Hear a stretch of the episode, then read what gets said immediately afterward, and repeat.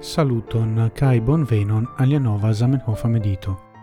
Hodia mi volas legi kai mediti kun vi sur eh, el tiro el eh, la parolado malfermanta la sesan congresson en Washingtono en Usono kiu ocasis en la iaro 1900 dec. Mi legos el tiron el pagio tricent naudec quin.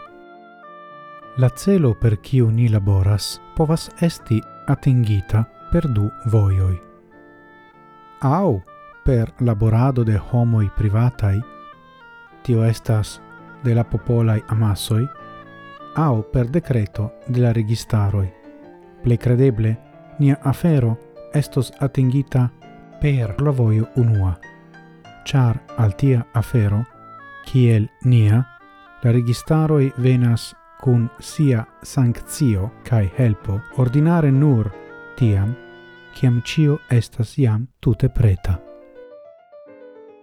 Estas interesse noti la aliron de Zamenhof alla generala strategio por aprobigi Esperanton kiel internazian lingvon tutmondan oficialan. Kai li fidis je homoi individuoi qui faras aferoin. Per la lingvo kai do por la lingvo.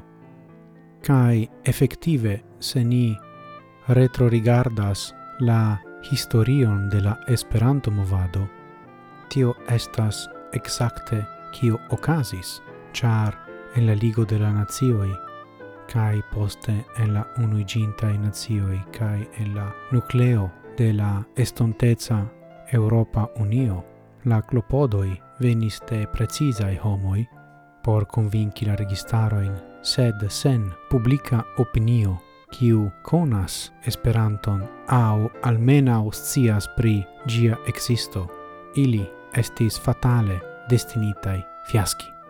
Cai do mi pensas che la plei grava afero hodiau estas videbligi Esperanton per interessai enhavoi. Fin fine, ciam oni libere lectas lingvon por lerni kiel plenkresculo, sen premoi de labor postenoi, oni electas gin ne nur pro la lingvo mem, sed ancau kai ofte cefe pro la cultura en havo kiun oni povas trovi en tiu lingvo.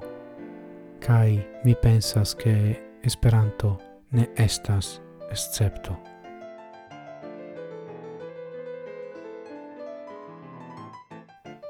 dankon pro via atento, gis morgau, cae ciel ciam, antauen, sen fine.